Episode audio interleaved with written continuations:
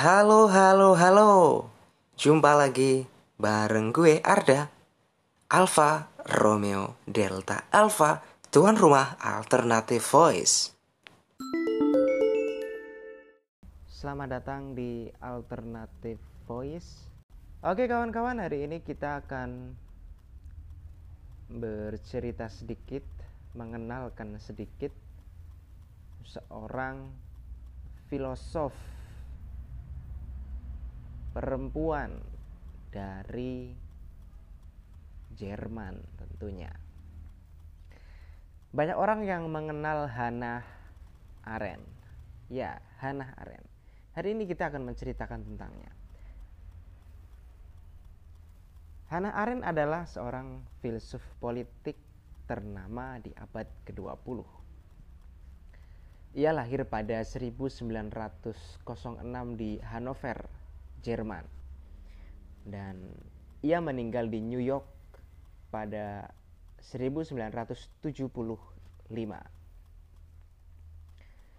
Pada tahun 1924, ia belajar di Universitas Marburg, Jerman, dan berjumpa dengan Martin Heidegger. Tentu banyak orang yang mengenal Heidegger ya. Dia juga seorang filosof, seorang pengajar yang cukup dikenal. Pada masa itu, Heidegger sudah dikenal sebagai salah satu filsuf besar di dalam sejarah filsafat. Pemikirannya tentang fenomenologi memicu diskusi filosofis di berbagai universitas di Eropa dan juga Amerika. Walaupun sebentar, perjumpaan Hannah Arendt dengan Heidegger amat mempengaruhi pemikiran filsafat dari Hannah Arendt. Bahkan, kisah cinta mereka pun menjadi legendaris di kalangan para filsuf, bahkan hingga saat ini.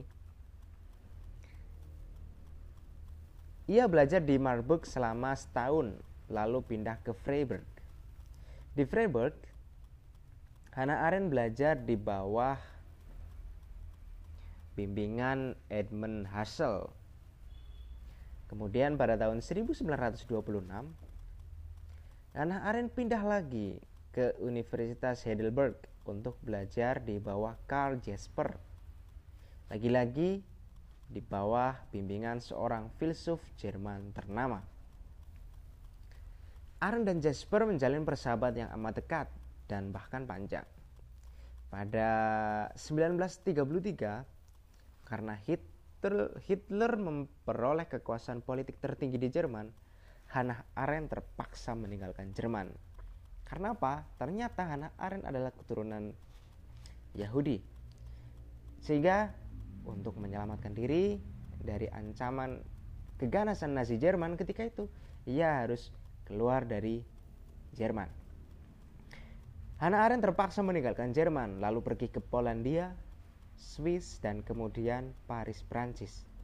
Di sana ia tinggal selama enam tahun dan bekerja sebagai pendamping para pengungsi.